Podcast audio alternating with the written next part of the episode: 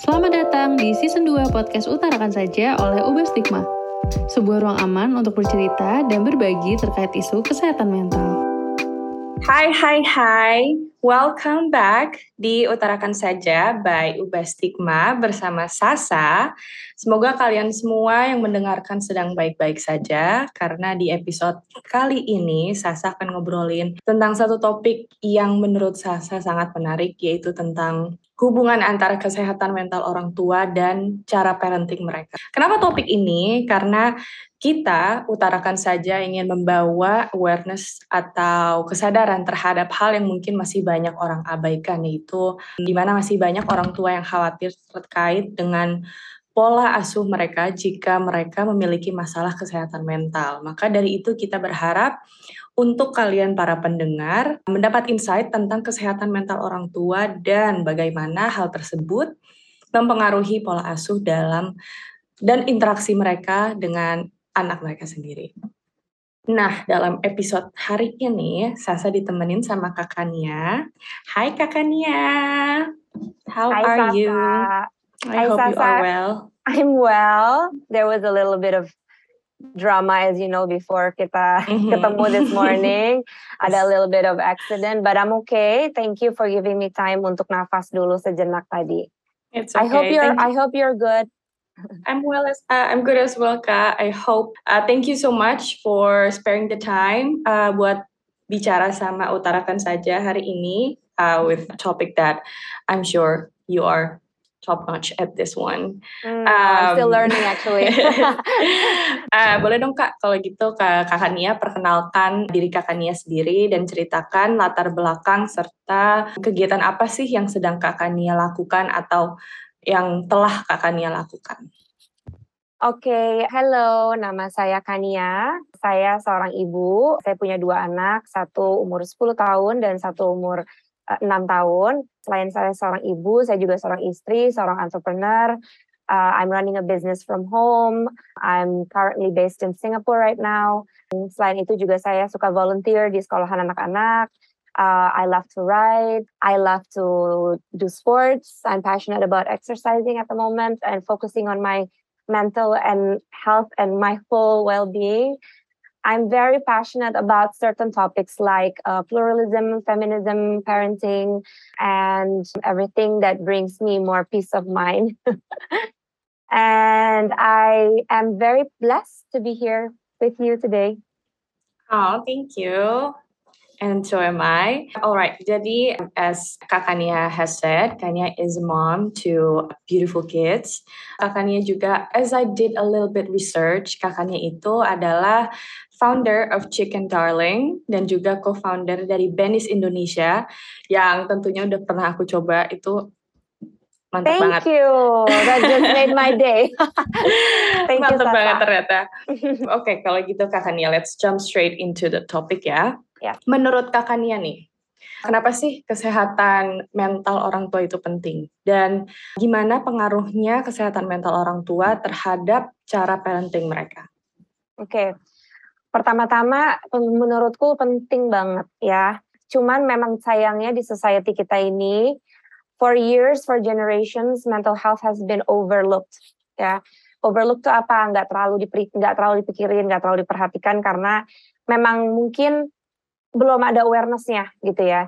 Jadi information or education regarding mental health itu mungkin baru naik ke permukaan tuh baru-baru aja. And bisa dibilang generasi kita beruntung loh, kita bisa getting the opportunity um, to to raise awareness and to watch this awareness grow, ya kan? Nah, balik lagi pertanyaannya penting apa enggak? Ya penting banget gitu. Karena ternyata there's so many apa ya there's so many misconception dan there's so many parenting failures gitu ya yang bisa dibilang mungkin kita kita ini sebenarnya produknya gitu ya apa eh, yang terjadi karena tidak adanya awareness itu tersebut di generasi mungkin orang tua kita kakek nenek kita dan kakek non- nenek moyang kita mungkin gitu ya. Nah Mhm. apa sih pentingnya? Ya mungkin bisa dilihat ya sekarang kita itu hidup di zaman yang everybody sebenarnya anxious lagi ya kan? Yes. we all have worries we have all our fears we have anxieties that we don't realize. Everything is under our subconscious mind gitu. Mhm. Tapi mm-hmm. it manifest in many ways. Apakah kita misalnya contoh sekarang aku jadi orang tua ya, apakah aku jadi gampang ke trigger, apakah aku jadi gampang mm-hmm. marah-marah, apakah yes. aku jadi suka bentak-bentak ke anakku untuk hal yang nggak penting misalnya. Mm-hmm. Jadi betapa pentingnya mental health ini karena it manifest in a negative way gitu. Kalau kita tidak menyadari itu, ya kita akan terus repeating that bad cycle to our children and to our children's children. So aku stop di situ dulu ya. So mm-hmm. in a in a in a framework yang simple, of course it's important karena kenapa? Karena it affects how we treat our children, it affects how we see our children, and it affects how we talk to them and how we okay. how we project our minds to them gitu. Dan itu mm-hmm. long term banget sifatnya. Yes, as Kak Nias has said, uh, mental health itu benar banget sih Kak. It has been overlooked so many years dan walaupun udah banyak media yang mencakup tentang perbincangan kesehatan mental ini masih banyak juga dengan pro kontra tentang kesehatan mental. Makanya dari itu adalah ubah stigma. Berusaha untuk membelah stigma antara kesehatan mental. Keren, jadi keren. kalau misalnya, jadi kenapa penting banget ya kalau misalnya kesehatan mental seseorang orang tua itu penting karena yang kakaknya tadi bilang itu kalau nggak sadar it will manifest in a bad way yang akan jadi kayak it'll affect the children, the children's children's terus bisa jadi sampai cicit istilah, istilahnya kalau kita bilang kan. Yeah. jadi merawat anak tentunya itu sebuah tantangan bagi orang tua pastinya kan ya, terutama jika mereka kekurangan sumber daya dan dukungan, which could happen to a lot of people yang dapat berdampak negatif pada kesehatan mental mereka sendiri. Yang maka dari itu, apakah kakak Nia setuju dengan pertanyaan kalau misalnya kesehatan mental orang tua akan mempengaruhi kesehatan mental jangka panjang anak-anak? Ya, setuju, setuju banget. Karena anak itu kan menangkap energi kita ya. Anak itu kan bukan robot dan dia juga bukan produk ya. Dia bukan sesuatu yang bisa kita bentuk begitu aja. Enggak, justru bagaimana dia itu terbentuk itu bagaimana kita di rumah, bagaimana kita bagaimana interaksi kita sama pasangan kita, bagaimana interaksi kita sama orang-orang sekitar kita, bagaimana kita treat ourselves itu everything will be manifested and will be projected to them automatically tanpa kita harus susah payah loh. Mereka menangkap mm -hmm. itu, they mm-hmm. absorb mm -hmm. everything gitu. Jadi yes kalau kita sendirinya nggak tahu what's wrong with us, karena gini, everybody has issues. Mm-hmm. You have issues, I have issues, everybody yes. have issues. We mm-hmm. were not raised from a per- perfect parent. We were not raised from a perfect household. Yeah, kan? We were not yes. raised from a perfect upbringing. We all have trauma. Mm-hmm. We have. Yes. We all have. We we were all broken inside. Mm-hmm. Yeah, kan? Nah, but we our job when we become parent atau lebih baik deh kalau sebelum jadi orang tua gitu ya. Now that we're talking mm-hmm. about this in this podcast, why don't you learn about yourself first? What are your fears? What are your traumas? What are your wounds? Akuin mm -hmm. dulu waktu kecil punya penyakit apa. Penyakit itu bukan penyakit kayak kita sakit asma gitu, bukan ya. Kita yes. punya kita punya sakit batin apa. Kita mm -hmm. pelajarin dulu. Apakah kita waktu kecil pernah dipukul, ditempeleng, hmm. dikatain, dibanding-bandingin sama adik kakak kita? Apakah kita pernah dibully? Apakah kita pernah dibully sama orang tua kita? Apakah kita pernah dipermalukan? Apakah pernah apakah kita pernah dituntut untuk selalu sukses? Ya. Hmm. Itu akuin dulu kita punya yes. itu semua. Setelah itu baru kita baru bisa do the healing. Kalau kita tidak bisa spot our flaws atau kita nggak bisa spot our weaknesses atau atau mm-hmm. traumas, it's gonna be hard for us to parent our children because we are going to repeat that to them. And mm-hmm. at the end of the day, you want your children to be better than you, right? Yes. If you want mm-hmm. your children to be better than you, then you have to heal yourself first. And then healing goes all the way forever. Nggak yang kayak cuman, oh ya sekarang gue udah healing deh, oke okay, gue siap punya anak. No, healing is forever. It will be in every aspect of your life. And then it's gonna be like, oke okay, abis ini gue healing apa lagi ya? Abis ini gue mau coba mengakui deh, gue waktu kecil pernah, misalnya ya, gue pernah di abuse sama kakak mm -hmm. kelas gue, gue pernah mm -hmm. di abuse sama bapak gue, gue pernah di abuse sama sepupu gue. Mm -hmm. It's gonna like, it's gonna challenge you in so many ways. So it's like, it goes along the way, tapi kayak kalau misalnya which happens to a lot of people dan masih juga banyak sih di um, lingkungan aku juga they rush into things. They think uh, mereka tuh udah siap oke. Okay, gue udah siap settle down gue udah siap untuk punya anak. Tapi kayak turns out pasti semua yang kayak kakaknya bilang kita semua pasti punya trauma. Kita semua pasti punya apa ya pain yang masih kita carry dari dulu gitu loh. Jadi yes and it could be ha it could happen uh, with our inner child as well kan maksudnya yang could could affect apa ya kesiapan kita atau mungkin pas kita welcome our bundle of joy. Jadi kayak everything is because coming because, into place. Yeah, because sorry aku potong ya. Itu that bundle of joy yang kamu mm -hmm. bilang tadi itu is also the trigger of everything. Will be the trigger of everything. Memang mm -hmm. mindset kita oh it's a bundle of joy is gonna bring us happiness and all that. That's true. But it will also trigger us in so many ways in so many different levels that you never thought it would happen. It'll mm-hmm. trigger everything. It'll trigger your inner child. It'll trigger your unmet desire. It will trigger your trauma. It will trigger everything. Yang tadinya kita nggak sadar aja kita jadi ke trigger.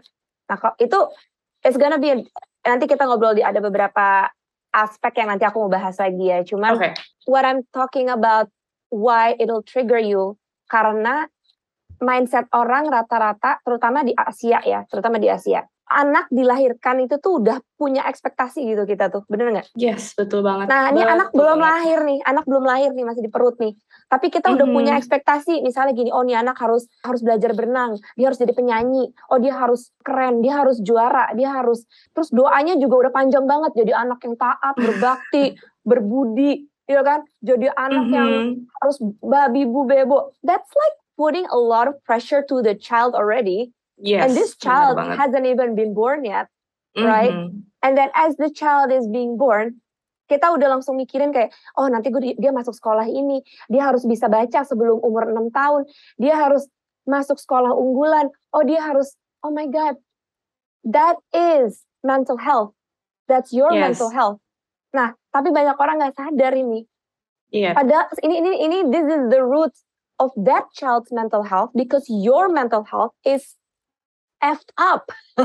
yes. So tanpa disadari, you are setting your unborn child atau your bundle of joy into mm-hmm. their sickness of mental health mm-hmm. karena kita sendiri tidak menyadari all these unmet desires that we have kita taruh di anak kita karena kitanya sendiri nggak sadar kita punya mental issue so that's the ironic part of being a parent and I guess it goes a long way kalau misalnya we did not start dengan mengakui kayak oh oke okay, kita punya I think something is wrong with me and that's okay masih yeah. sedikit banget sih orang kayak gitu kayak yeah. kalau gue nggak sakit fisik ya gue nggak sakit jadi yeah. kayak mental health is like inside ya kan yeah. kak maksudnya it kita nggak bisa lihat tapi makanya banyak orang yang masih kayak ya kalau gue iya. nggak sakit fisik fine sebenarnya apa yang kita pikir kayak sebenarnya gini bukan berarti terus kita harus cari-cari kesalahan kita ya bukan berarti mm -hmm, kita cari-cari kayak oh gue kurangnya apa sih no but I actually wanna discuss this later like how would you karena banyak yang nanya ke aku gimana sih caranya tahu trauma kita ya kan mm -hmm. Jadi nanti we will discuss this later yes. apa sih uh, gimana sih caranya mengenali trauma-trauma kita emang kita tuh punya subconscious apa sih yang jelek gitu atau yang atau yang negatif itu nanti kita akan discuss. For okay. sure we will discuss kak. Yeah. Dari pertanyaan tersebut yang terkuak adalah anak bisa menangkap sikap dan tindakan orang tua. Maka apalagi kalau misalnya mereka tuh masih kecil-kecil, masih icik-icik, jadi kayak yeah. being a parents to little babies itu pasti akan berat banget. Makanya penting buat kita kenal diri sendiri, biar kita nggak mengulang hal-hal buruk tersebut terjadi ke diri kita, apalagi ke anak kita. Karena pastinya kita semuanya pengen yang terbaik untuk anak kita, tapi karena kita nggak menyadarkan hal tersebut, malah jadi bumerang. Efeknya yeah. bumerang ke kita yeah. sendiri. Nah, karena topik kesehatan mental sekarang sudah mulai banyak ya kak ya dibicarakan mulai dari kesehatan mental anak kecil, kesehatan mental remaja, even orang dewasa pun sudah banyak dicakup oleh banyak media walaupun masih kurang. Kalau Kakak Nia sendiri gimana cara Kakak Nia mengkomunikasikan well-being Kakak Nia terhadap anak-anak dan keluarga Kakak Nia sendiri? Mungkin pertama-tama aku selalu jujur ya sama kondisi my mental state atau sama mood lah, sesimpel itu ya. Yes, aku selalu jujur sih sama mm -hmm. uh, my husband, my kids gitu, even to myself terutama. I have to be honest gitu like what what mood am I in right now gitu kalau misalnya I'm not doing okay atau I'm not I'm not well enough atau I'm not I'm not in a in a right mood biasanya mm-hmm. I have to tell mm-hmm. everybody mm-hmm. gitu dan biasanya kan kalau perempuan itu kan ya sesimpel kayak mau mens aja kita bisa yes. kacau banget kocar kacir mm-hmm. gitu kan ya yeah. sepanjang itu udah deh pokoknya bisa senggol bacok gitu ibaratnya Cuman di luar itu pasti ada masa-masa atau ada periode di mana we're not okay gitu kan. Nah kalau dulu kan ada istilah kayak kalau dulu nih ada kata-kata ada ada saying orang tua bilang kalau sakit jangan dirasain gitu kan. Jalanin aja gitu. Sakit jangan usah dirasain gitu. Mm. namanya juga hidup pastilah ya gitu kan. Nah but I'm going the opposite way now gitu. Justru mm -hmm. I believe kenapa kita itu hidup in the in a denial society gitu kan in where where everybody is in denial gitu with their with themselves. Because mereka dia dibiasain dari kecil selalu dibilang kalau sakit jangan dirasain. Kita nggak boleh. Jadi kita tuh di, di, di, udah diajarin badan kita tuh diprogram untuk nggak boleh merasakan badan kita sendiri. Menurut kamu itu bener nggak sih? Enggak kan? Sebenarnya no. itu enggak yep. Kita nggak mm -hmm. boleh ngerasain badan kita, kita nggak boleh ngerasain emosi kita, kita tidak boleh mengakui segala sesuatu yang kita rasakan apalagi kalau mm -hmm. itu negatif nggak boleh nggak boleh ditunjukin dulu tuh gitu ya kan membuat mm -hmm. orang tua kita tidak nyaman itu kayaknya tuh dosa besar gitu kita harus yeah. selalu menyenangkan mereka kita harus selalu tampak bahagia harus selalu tampak mm -hmm. sukses harus tampak sehat gitu kan nah yes but at this moment because I believe I'm a conscious parent I'm more conscious than my ancestors Mm-hmm. I'm doing the other way around. I have to feel whatever I'm feeling right now whether mm-hmm. I'm sick physically or whether I'm sick mentally, whether I'm having a headache, whether I'm not in the right state, I have to feel it. Because mm-hmm. I believe the only way out is through. Jadi kita harus rasain dulu, baru kita bisa keluar. Sama kayak kita ibarat masuk ke dalam tunnel, untuk kita nyampe ke ujung lampu light, there's a light at the end of the tunnel. What do you do? Yes. Do you stop or do you keep going? You keep going. I'll keep right? going. Yes. Yeah, exactly. Mm-hmm. You need to keep going whether mm-hmm. that that that darkness feels uncomfortable being in the tunnel feels so uncomfortable it's so scary mm-hmm. right but you have to keep going to find that light so mm-hmm. i use that analogy with uncomfortable feelings and that goes to my children as well i tell yes. them kalau lagi nggak enak badan, lagi nggak suka, lagi bete, lagi kesel, lagi kecewa, lagi marah sama mama, lagi marah sama bapak, mm-hmm. you need time for yourself, have it, it's yours. Mm-hmm lagi pengen marah, boleh marah. Lagi pengen nangis, boleh nangis. Lagi mm-hmm. pengen nyalurin kesel misalnya kayak ngelempar apa ke di, di kamarnya boleh. Mm-hmm. Tapi yang nggak boleh nyakitin diri sendiri, nyakitin orang itu nggak boleh. Tapi kalau dia lagi pengen teriak-teriak, you can go to your room, you can scream. Mm-hmm. Pengen lagi pengen kesel, boleh. Semua perasaan in my house is valid because that's the only way they can sit with their emotion and they can learn how to deal with it because a lot of us don't know how to deal with our own emotion, right? A yes, lot of us adults even don't know how to handle our own meltdowns, our own disappointments, our own upsets, our own anger. We don't know. Because dari kecil kita selalu dibiasain jangan dirasain. And that's the biggest parenting mistake menurutku. And I don't want to repeat that again to my children. They have to feel what they whatever they're feeling. As simple kalau sudah kenyang makan ya stop. Jangan dipaksa. Itu badan kamu have respect for your body. Karena makanan kalau dibuang akan ada yang makan kok. Ya kucing, ya kan? Ya hmm. orga ya ya other organism, ya jadi kompos, ya kan? Tapi kalau itu masuk ke badan kita, itu kita juga menimbulkan penyakit gitu. Hmm. Jadi makanya kenapa kalau ngambil makanan sedikit dulu.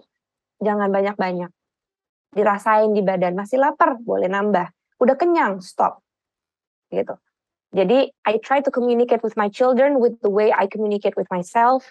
Saya dulu mulai dari diri saya dulu saya jujur dengan perasaan saya dengan badan saya dengan semuanya dan anak-anak akan ngikutin gitu. Dan sekarang anak-anak ya jujur kayak I don't I'm not happy atau I'm upset atau I'm disappointed atau sesimpel yang anakku yang kecil itu kan sering meltdown ya. Dia punya punya strong emotion gitu anaknya. Mm-hmm. Jadi he screams a lot, he gets angry, he he can kick, he can he can hit me. right? It's not right. Tapi who else dia bisa show that expression? Mm-hmm. Nobody else but me, right? But my but but his parents. Jadi my job and my husband's job is to be a safe harbor buat dia, to express mm-hmm. all that emotion. Karena kalau kita nggak be a safe harbor buat dia, he's gonna take it out on other people. Yes. He's gonna take it out on his future partner. He's gonna take it out on his friends. He's gonna take it out on himself. So it's very dangerous for him nanti growing mm-hmm. up, right? So first yes. of all, the house, the home, us as a parent needs to be a safe harbor buat mereka dulu to express everything yang mereka rasain. And that's how we communicate to each other. And then we talk about it nanti setelah udah tenang, udah bisa nafas, udah lupa, nanti kita discuss. Tadi inget nggak mas, waktu mas Galan tadi pukul mama, apa rasanya? Kalau mama mm. sedih dipukul, Galan gimana rasanya? Tadi inget nggak teh waktu tadi teteh teriak-teriak marah karena ini misalnya? Mm-hmm. What do you feel like? How? What do you think about that? Like, what can we improve for the next time around? Like, I get it that you were upset. Do you think you can do better next time? Like, how can I help you? And sama juga kalau kitanya lagi marah sama dia, yeah. which is which is aku sering gitu ya. aku akuin aku sering. Mm-hmm. Tapi and then I will tell them that I was not okay tadi. How I handled it was not okay. I could have done mm-hmm. better. I was really, really angry. I was really, really tired, but that is not an excuse. Yes. But... How can I do better? How can I help myself so I'm not like that? Menurut Teteh gimana? Mm-hmm. Menurut Mas Galan gimana? I'm so mm-hmm. sorry that I was not modeling the right behavior. So that's how we are. We are humans, right? Yes. I'm actually really speechless hearing all that karena yang kayak Kakania bilang kayak kita produk tersebut gitu loh. Jadi kayak we experience a lot, especially the one kayak kalau misalnya kita, kita lagi sakit fisik tuh kayak ya udah jangan dirasain, udah nggak usah yeah. dirasain. Semakin dirasain semakin kerasa gitu. Jadi kayak Absolutely. kayak ada barrier sendiri dari kita yang kalau misalnya sakit kita langsung kayak oke okay, let's pretend to be strong. Tapi kayak actually kayak I need help. we don't it need happens to be, a lot. And you don't need to be strong anymore, you know, because mm-hmm. strength only comes from being vulnerable. If you if you don't admit your vulnerabilities, there is no way you will find strength within yourself. The only way to find your strength or to find your voice is to admit first that you mm-hmm. are also vulnerable. You are strong and you are also vulnerable. We are human. Jadi vulnerability-nya mm-hmm. jangan di jangan di press down Yes. Because if you're just only being strong, sebenarnya you are weak and you are gonna explode one day, and that's dangerous. Mm. Yes, benar banget. Karena kita masih ada apa ya denial, that denial yang kayak makin menumpuk menumpuk over time, terus bisa tiba-tiba kayak I'm okay, I'm okay, I'm fine, terus tiba-tiba kayak at one Duar, point gitu ya. kayak, ya. halo. Aduh. Nanti kalau punya anak makin makin itu makin ke trigger makin meledak dan itu bisa bahaya meledak tiap hari. Mm-hmm. dan pentingnya lagi yang harus aku um, repeat buat pendengar ya. Mungkin pendengar ada yang beberapa lupa. Komunikasi is very important. Komunikasi yang in a positive way. Bukan yang kayak kita sekarang lagi marahan kita komunikasiin sekarang. No kalau kalau misalnya kayak if you have time to stop, mungkin untuk menenangkan diri, it's completely fine. Jadi kalau misalnya kita nanti komunikasiin post the event, it'll all be more make sense dan kita mungkin lebih ada di kepala yang bersih bukan yang kepala menggebu menggebu gitu. Jadi kayak mungkin nggak mesti ngajarin anak kita mungkin buat kalian-kalian yang punya adik gitu. Kita bisa ngajarin adik kita sendiri karena ya kayak kan kakaknya bilang sendiri kita produk produk tersebut. Jadi mungkin kita bisa jadi kayak salah satu orang yang mengajarkan adik-adik kita atau anak-anak kecil di sekeliling kita untuk kayak to sit with their feelings to be okay with their feelings. Kalau misalnya mereka mau mengeluarkan emosi completely fine. Tapi mungkin ada batasannya di mana mereka nggak menyakiti diri sendiri dan gak menyakiti orang lain. Yang penting mereka merasa lega dengan perasaan mereka sendiri. Nah, karena komunikasi adalah hal yang penting untuk bisa mengerti satu sama lain ya Kak Nia. Dan sayangnya masih banyak sekali lagi orang yang belum bisa berkomunikasi dengan baik karena they don't understand the apa ya the right way to communicate their feelings kayak oke okay, kita sekarang lagi marah yaudah sekarang aja dikomunikasiinnya gitu jadi kayak dan itu bisa mempengaruhi hubungan seseorang ya tentunya. Dan aku pernah dengar kalau misalnya a parent's mental health can influence the quality of their interactions with their child, the interactions that they have with their child ya. Jadi kayak Kira-kira ada nggak pengalaman yang membuat kakak Nia sadar terkait pentingnya kesehatan mental orang tua, khususnya pengaruh terhadap kualitas interaksi mereka terhadap anak mereka? Pengalamanku pribadi ya berarti ya? Yes, betul. Ah, banyak banget sih ya pengalaman pribadi. Hampir tiap hari ngalamin sih gitu. Aku kasih contoh aja ya, yang baru-baru aja mm -hmm. terjadi ya. Jadi anakku yang pertama itu kan atletik banget ya. Mm -hmm. uh, she's very athletic. Uh, mm -hmm. I don't know whether, I think it's just her nature but maybe because dia juga melihat kita gitu kan. Jadi waktu dia kecil itu tuh aku tuh punya ambisi ya. Uh, dia harus cepat bisa belajar berenang. Ya karena aku tuh waktu itu takut aja anakku tenggelam ya.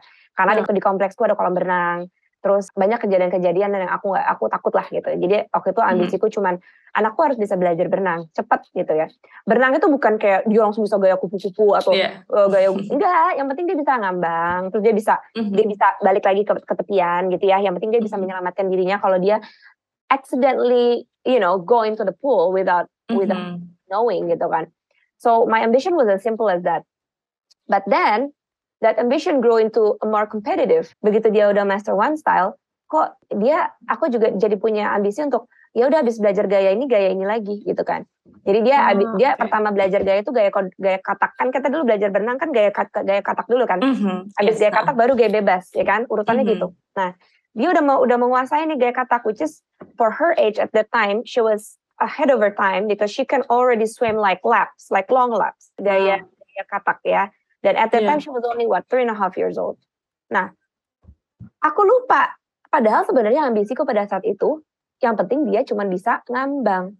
Mm-hmm. Tapi at the age of three and a half years old, dia udah bisa do long laps of Olympic pool, gitu kan. wow. At the and abis itu I wasn't still enough. I wanted her to learn breast. Uh, I wanted to, to learn freestyle, which is agak bebas, mm-hmm. ya kan. Mm-hmm. Nah, mm-hmm itu aku masih belum punya kesadaran ya. aku masih belum become I was not an uncon I was unconscious parent at that time. Mm-hmm. Aku aku aku pengen dia belajar freestyle. Padahal sebenarnya nggak ada urgensinya pada saat itu. Uh-huh. Tapi yes. memang dia masih keep going les berenang, and then mm-hmm. the the coach juga wanted to reach certain target pastikan. Jadi menurut dia ya sebenarnya nggak apa-apa juga kayak belajar berenang supaya ada target gitu. Abis ini apa, abis mm-hmm. ini apa gitu kan. Mm-hmm. Nah tapi the competitive side in me mm-hmm. make it serious for her gitu. Okay. Nah, until she reached like four years old, dia udah master breaststroke, udah master freestyle, udah master sorry, dia udah master breaststroke, dia udah master freestyle, and then dia udah master backstroke. You know what backstroke is? Gaya punggung. Mm-hmm. And that's she's only like what, not even five years old.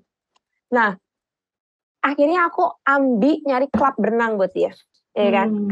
untuk compete so so so my ambition for her to to swim to compete padahal hmm. sebenarnya that was not the goal in the beginning the goal was just for her to swim to save herself right okay. nah okay. udah nih sekarang nih dia udah umur 10 tahun dan hmm. dia sekarang di sekolahnya yang baru ditawarin masuk ke swim team karena dia udah di level tertinggi jadi oh. dia di level tertinggi, jadi sebenarnya nggak tertinggi banget, masih ada senior seniornya mm -hmm. dia lagi. Cuman for her age level, mm -hmm. dia itu sebenarnya masih butuh training untuk masuk ke swim team. Tapi karena karena kompetensinya dia sudah di atas rata-rata, mm -hmm. dia ditawarin lah sama si captain coachnya ini untuk masuk ke mm -hmm. dalam swim team bersama senior seniornya right? Hmm. And my ego self nih, again my mental being yang sebenarnya belum heal, langsung berapi-api dong kayak oh my god we did it we finally reached to that point mm-hmm. ya kan anak gue yeah. akhirnya ditawarin masuk ke swim team yang officially dari representasi dari sekolahnya which is ini kayak prestige banget gitu mm-hmm. yeah. but that's my dream not hers dan ternyata anaknya nggak mau anaknya nggak oh. mau she doesn't want it she rejected my mm-hmm. dream. And at that time, I am already a conscious parent, untungnya. Mm-hmm. Jadi, walaupun aku kecewa banget, kecewa banget bahwa she doesn't want to take this great opportunity for her, She doesn't Mhm. want to take this amazing, amazing experience yang menurutku ya. But I have to make peace with it because why? Because it was my dream. Setelah aku gali-gali-gali, ternyata that used to be my dream when I was her age to be part of a swimming team, and I didn't get in. I didn't get in. But I didn't admit it at that time. Sekarang aku mengakui, aku harus mengakui bahwa that is my dream. That was an unmet desire of mine yang aku tidak temukan, yang aku tidak berhasil uh, dapatkan. Lalu aku mencoba Mhm. untuk mendapatkan itu di anakku. Tapi itu tidak fair Oh, untuk dia. Itu tidak fair untuk dia karena kenapa? It's not her dream. She doesn't Mhm. want it. Nah, kalau misalnya aku nggak being a conscious parent, aku akan paksa itu anakku masuk ke dalam swim team, benar nggak? Which is a Betul. lot of Betul parents banget. will do. Will, which Yes. is a lot of parents does it. They will force their child masuk ke dalam swim team atau masuk masuk ke dalam apa pun itu dan memaksa anak itu untuk menjalani hari-harinya, which Mhm. will trigger that child's depression, anxiety, worries, unhappiness, and all that in her life. Gitu. Hmm. Buat apa aku maksa anakku menjalani mimpiku yang akhirnya dia tidak Hmm. bahagia, yang akhirnya tidak tidak find joy dalam menjalaninya. Akhirnya dia Mhm. hanya akan menjalani itu hanya untuk menyenangkan saya sebagai orang tua. Nggak worth it Ah, nggak worth it. Jadi that's just a simple example of how I interact with my child regarding my mental health and her mental health. And there is so many other examples on a daily basis yang terjadi gitu ya sama kita. mhm. Kalau aku nggak willing atau aku nggak bisa spot my unmet desires atau my lacking of mental health, ya itu akan impactnya ya akan ke anak-anak kita, akan ke Yes. anak-anakku. Mhm. Dia yang akan nanggung semuanya dan akhirnya ujung-ujungnya mereka hanya akan repeating the cycle and then they don't become a better person. And I Mhm. don't want that. I want them to become a better person than me, than their mother. Right. Jadi dari sini kita bisa bisa melihat kalau misalnya that trauma, that desire that we want as kita masih kecil itu could appear at any time, any day, bisa aja kayak muncul di saat kita lagi seneng-senengnya dan kayak unconsciously kayak putting that mungkin di anak kita. Jadi kayak tanpa secara sadar kayak oh dulu tuh gue pengen begini tapi gue nggak bisa. Jadi yaudah deh anak anak gue aja yang kayak gini. Terus kayak itu banyak ternyata terjadi. Yes, and it still happens ya kak ya. Sampai sekarang tuh, sampai sekarang pun I still see a lot of the case gitu loh. Jadi kayak kalau misalnya gue yang nggak bisa kayak gini, anak gue yang kayak gini. Dan tapi kalau misalnya anaknya nggak mau apa yang gue bilang, jadi kayak Kecewa Oh, banget kitanya. kecewa banget kayak Iya. kok kamu bisa bisanya seperti itu kayak Iya. Terus kita uh, akan mengeluarkan experience. akan mengeluarkan kata-kata gini, kamu nggak tahu diri ya, kita udah ngeluarin uang buat kamu, kita udah berusaha buat kamu. Ini semua yang kita lakukan tuh buat kamu gitu. Yes. Tapi anak tapi anaknya anaknya nggak pernah ditanya, emang itu yang dia mau. Mhm, yes betul banget. Jadi kayak yang seakan-akan it's a big deal gitu loh. Kita kayak bahasa mungkin bahasa kasarnya kita kayak utang budi gitu. Kayak kita udah menghidupkan kamu kayak it's the Iya. least you can do buat bangga mama dan papa itu Tapi ibaratnya. anak which nggak is minta dilahirin juga. Exactly, exactly. Yang minta anak kan kita. Yang minta Kan anak, yang situ. berharap anak kan situ. Ya situ dong yang urus. ya kan? Benar Anak nggak utang, anak itu nggak berutang apa-apa sama kita. Mhm, Iya. Jadi kayak ya masih especially ya sebenarnya nggak cuma negara ini doang sih, tapi kayak experience a lot of that case in this country gitu loh kayak karena mungkin turun temurun kali ya kayak. Jadi mungkin uh, beberapa orang tuh masih apa ya menganggap kesehatan mental dan parenting tuh adalah suatu hal yang kompleks dan mungkin cukup overwhelming buat diproses untuk beberapa orang kayak hah Hmm. orang tua punya kesehatan mental? Masa iya gitu loh? Terus nanti anaknya gimana? Itu just like that stigma that goes around kayak oh berarti kalau misalnya mak emaknya sakit tuh berarti anaknya sakit juga dong. Kayak discrimination like that yang masih orang celetukin gitu loh tanpa kayak kesadaran mereka that could actually offend a lot and offend and hurt a lot of people gitu kan ya. Iya, mungkin karena definition orang when it comes to kesehatan mental atau mental health itu Mhm. orang masih mikirnya orang yang sakit mental itu ada di rumah sakit jiwa. yes Masih se- masih sedangkal itu. Jadi Mhm. orang mikirnya kalau orang punya kesehatan mental itu harus di rumah sakit jiwa atau harus pakai pengobatan, harus ke psikiater gitu kan. Mhm. Itu tuh ekstrimnya loh. Yes. Tapi untuk menuju ekstrim itu juga kesehatan mental yang kecil-kecil itu tuh sebenarnya udah trigger dan sangat membahayakan kalau kita nggak spot gitu. Mhm. Orang untuk bisa masuk ke rumah sakit jiwa itu kan sebenarnya it's a very long, long, long, long journey. Mhm. Berarti dia tidak mendapatkan support at all yes. from the from the environment. Nggak dapat support sama sekali, udah badly abused, ya kan? Mhm. Mungkin dia Mhm. waktu kecil sudah mengalami rape, ya kan? We don't Yes. know. Mental abuse, physical abuse from their from parents, from the environment, and then instead of getting the right support, dia makin disalahin karena dia weird misalnya, dia Mhm. strange, dibilang anak aneh, ya kan? Mhm. Tapi kan sebenarnya dia butuh bantuan. Akhirnya Yes. dimasukin ke rumah sakit jiwa kenapa? Ya karena gampang aja buat orang tuanya. Orang tuanya don't know what to do. the Padahal easy it's- way out ya. It's the easy way out. Ya udah Mhm. masukin aja ke rumah sakit jiwa. Ini anak udah nggak bisa kita bantu. Padahal dia begitu karena lingkungannya, karena orang tuanya, karena keluarganya. Lalu anak itu sudah sakit dibuang ke rumah sakit jiwa. Mungkin bukan kata-kata dibuang ya, dibuang is not the right word, tapi di Mhm. dilimpahkan under other people's treatment gitu. Okay. So this is a, a lot to think about gitu, a lot to think about. Even orang yang di rumah sakit jiwa pun juga nggak salah loh gitu. Mhm. Yes. Daripada mereka nggak dapat treatment apa-apa, it is better probably there gitu. Tapi let's not go that far gitu loh. And that's why we Mhm. are here gitu kan. Sa- That's why we are here to talk about this supaya ya kita jangan sampai go to that extreme yes. gitu. Gimana caranya supaya nggak go to that extreme? Listen to this podcast, listen to Ubah Stigma, right? Follow Educate, kakak your- Nia.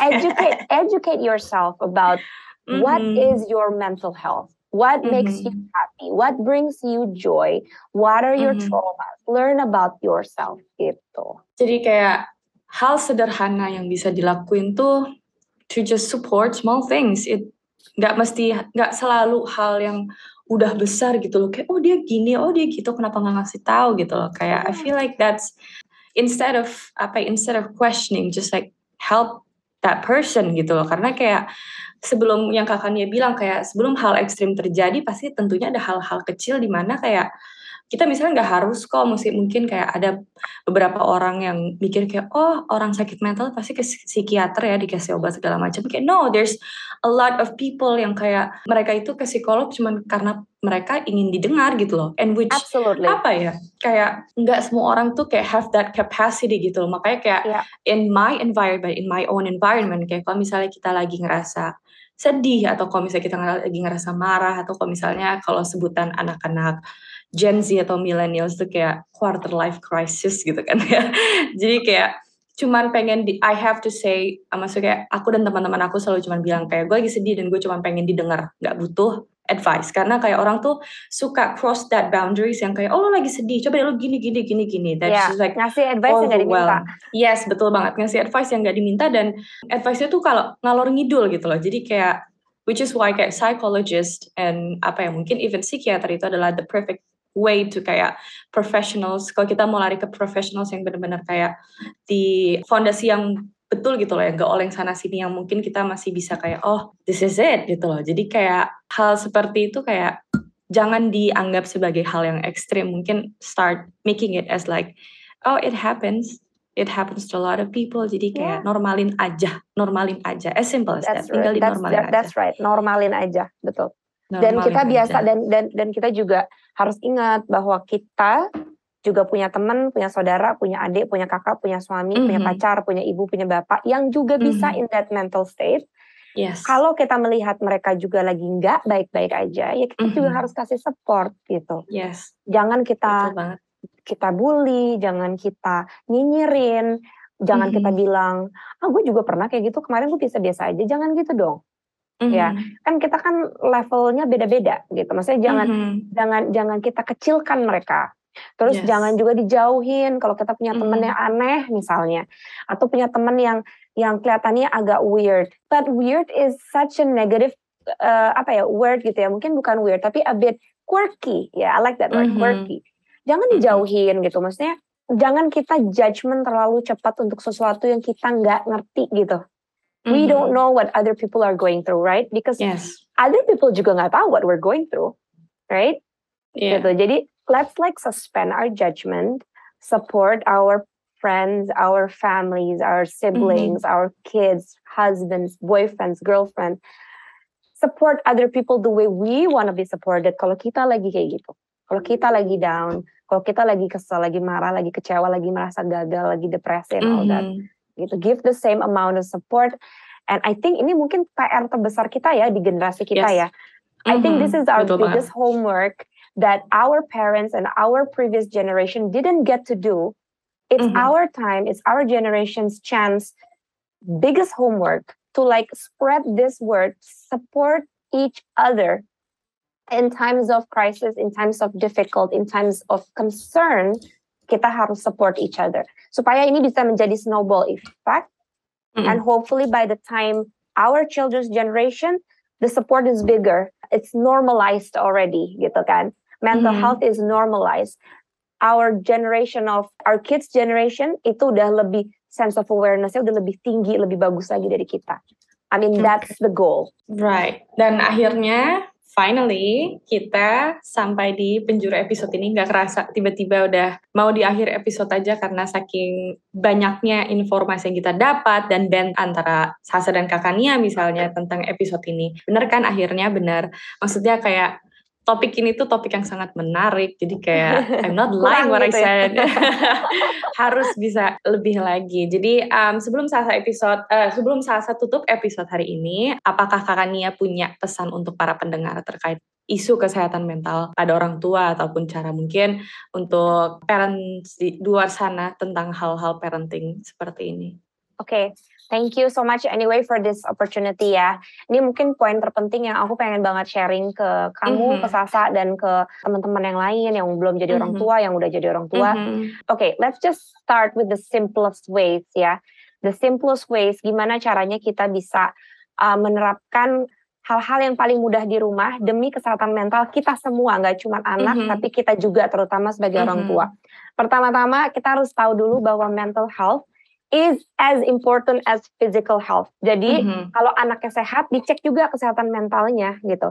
Jangan jangan kayak oh anak gue sehat kok baik-baik aja, tapi dia marah-marah nggak? Dia nangis Mhm. terus nggak? Dilihat, oke? Jadi emosi anak dan kesehatan fisik anak dicek. Begitupun juga kita, ya. Itu satu. Jangan pernah menganggap enteng kesehatan mental anak dan kesehatan Mhm. mental kita karena it affects the interaction of the house. Yang kedua adalah please don't focus on the result. Whatever that you're doing with your children at home atau whatever you're doing for yourself, jangan terlalu Mhm. fokus sama hasilnya. Enjoy the process, oke? Just enjoy the process. Jadi kalau misalnya lagi main sama anak, oh jangan fokus kayak, oh tulisannya harus rapih. No, Mhm. dia Mhm. enjoy nggak nulis? Dia udah kenal alfabet belum?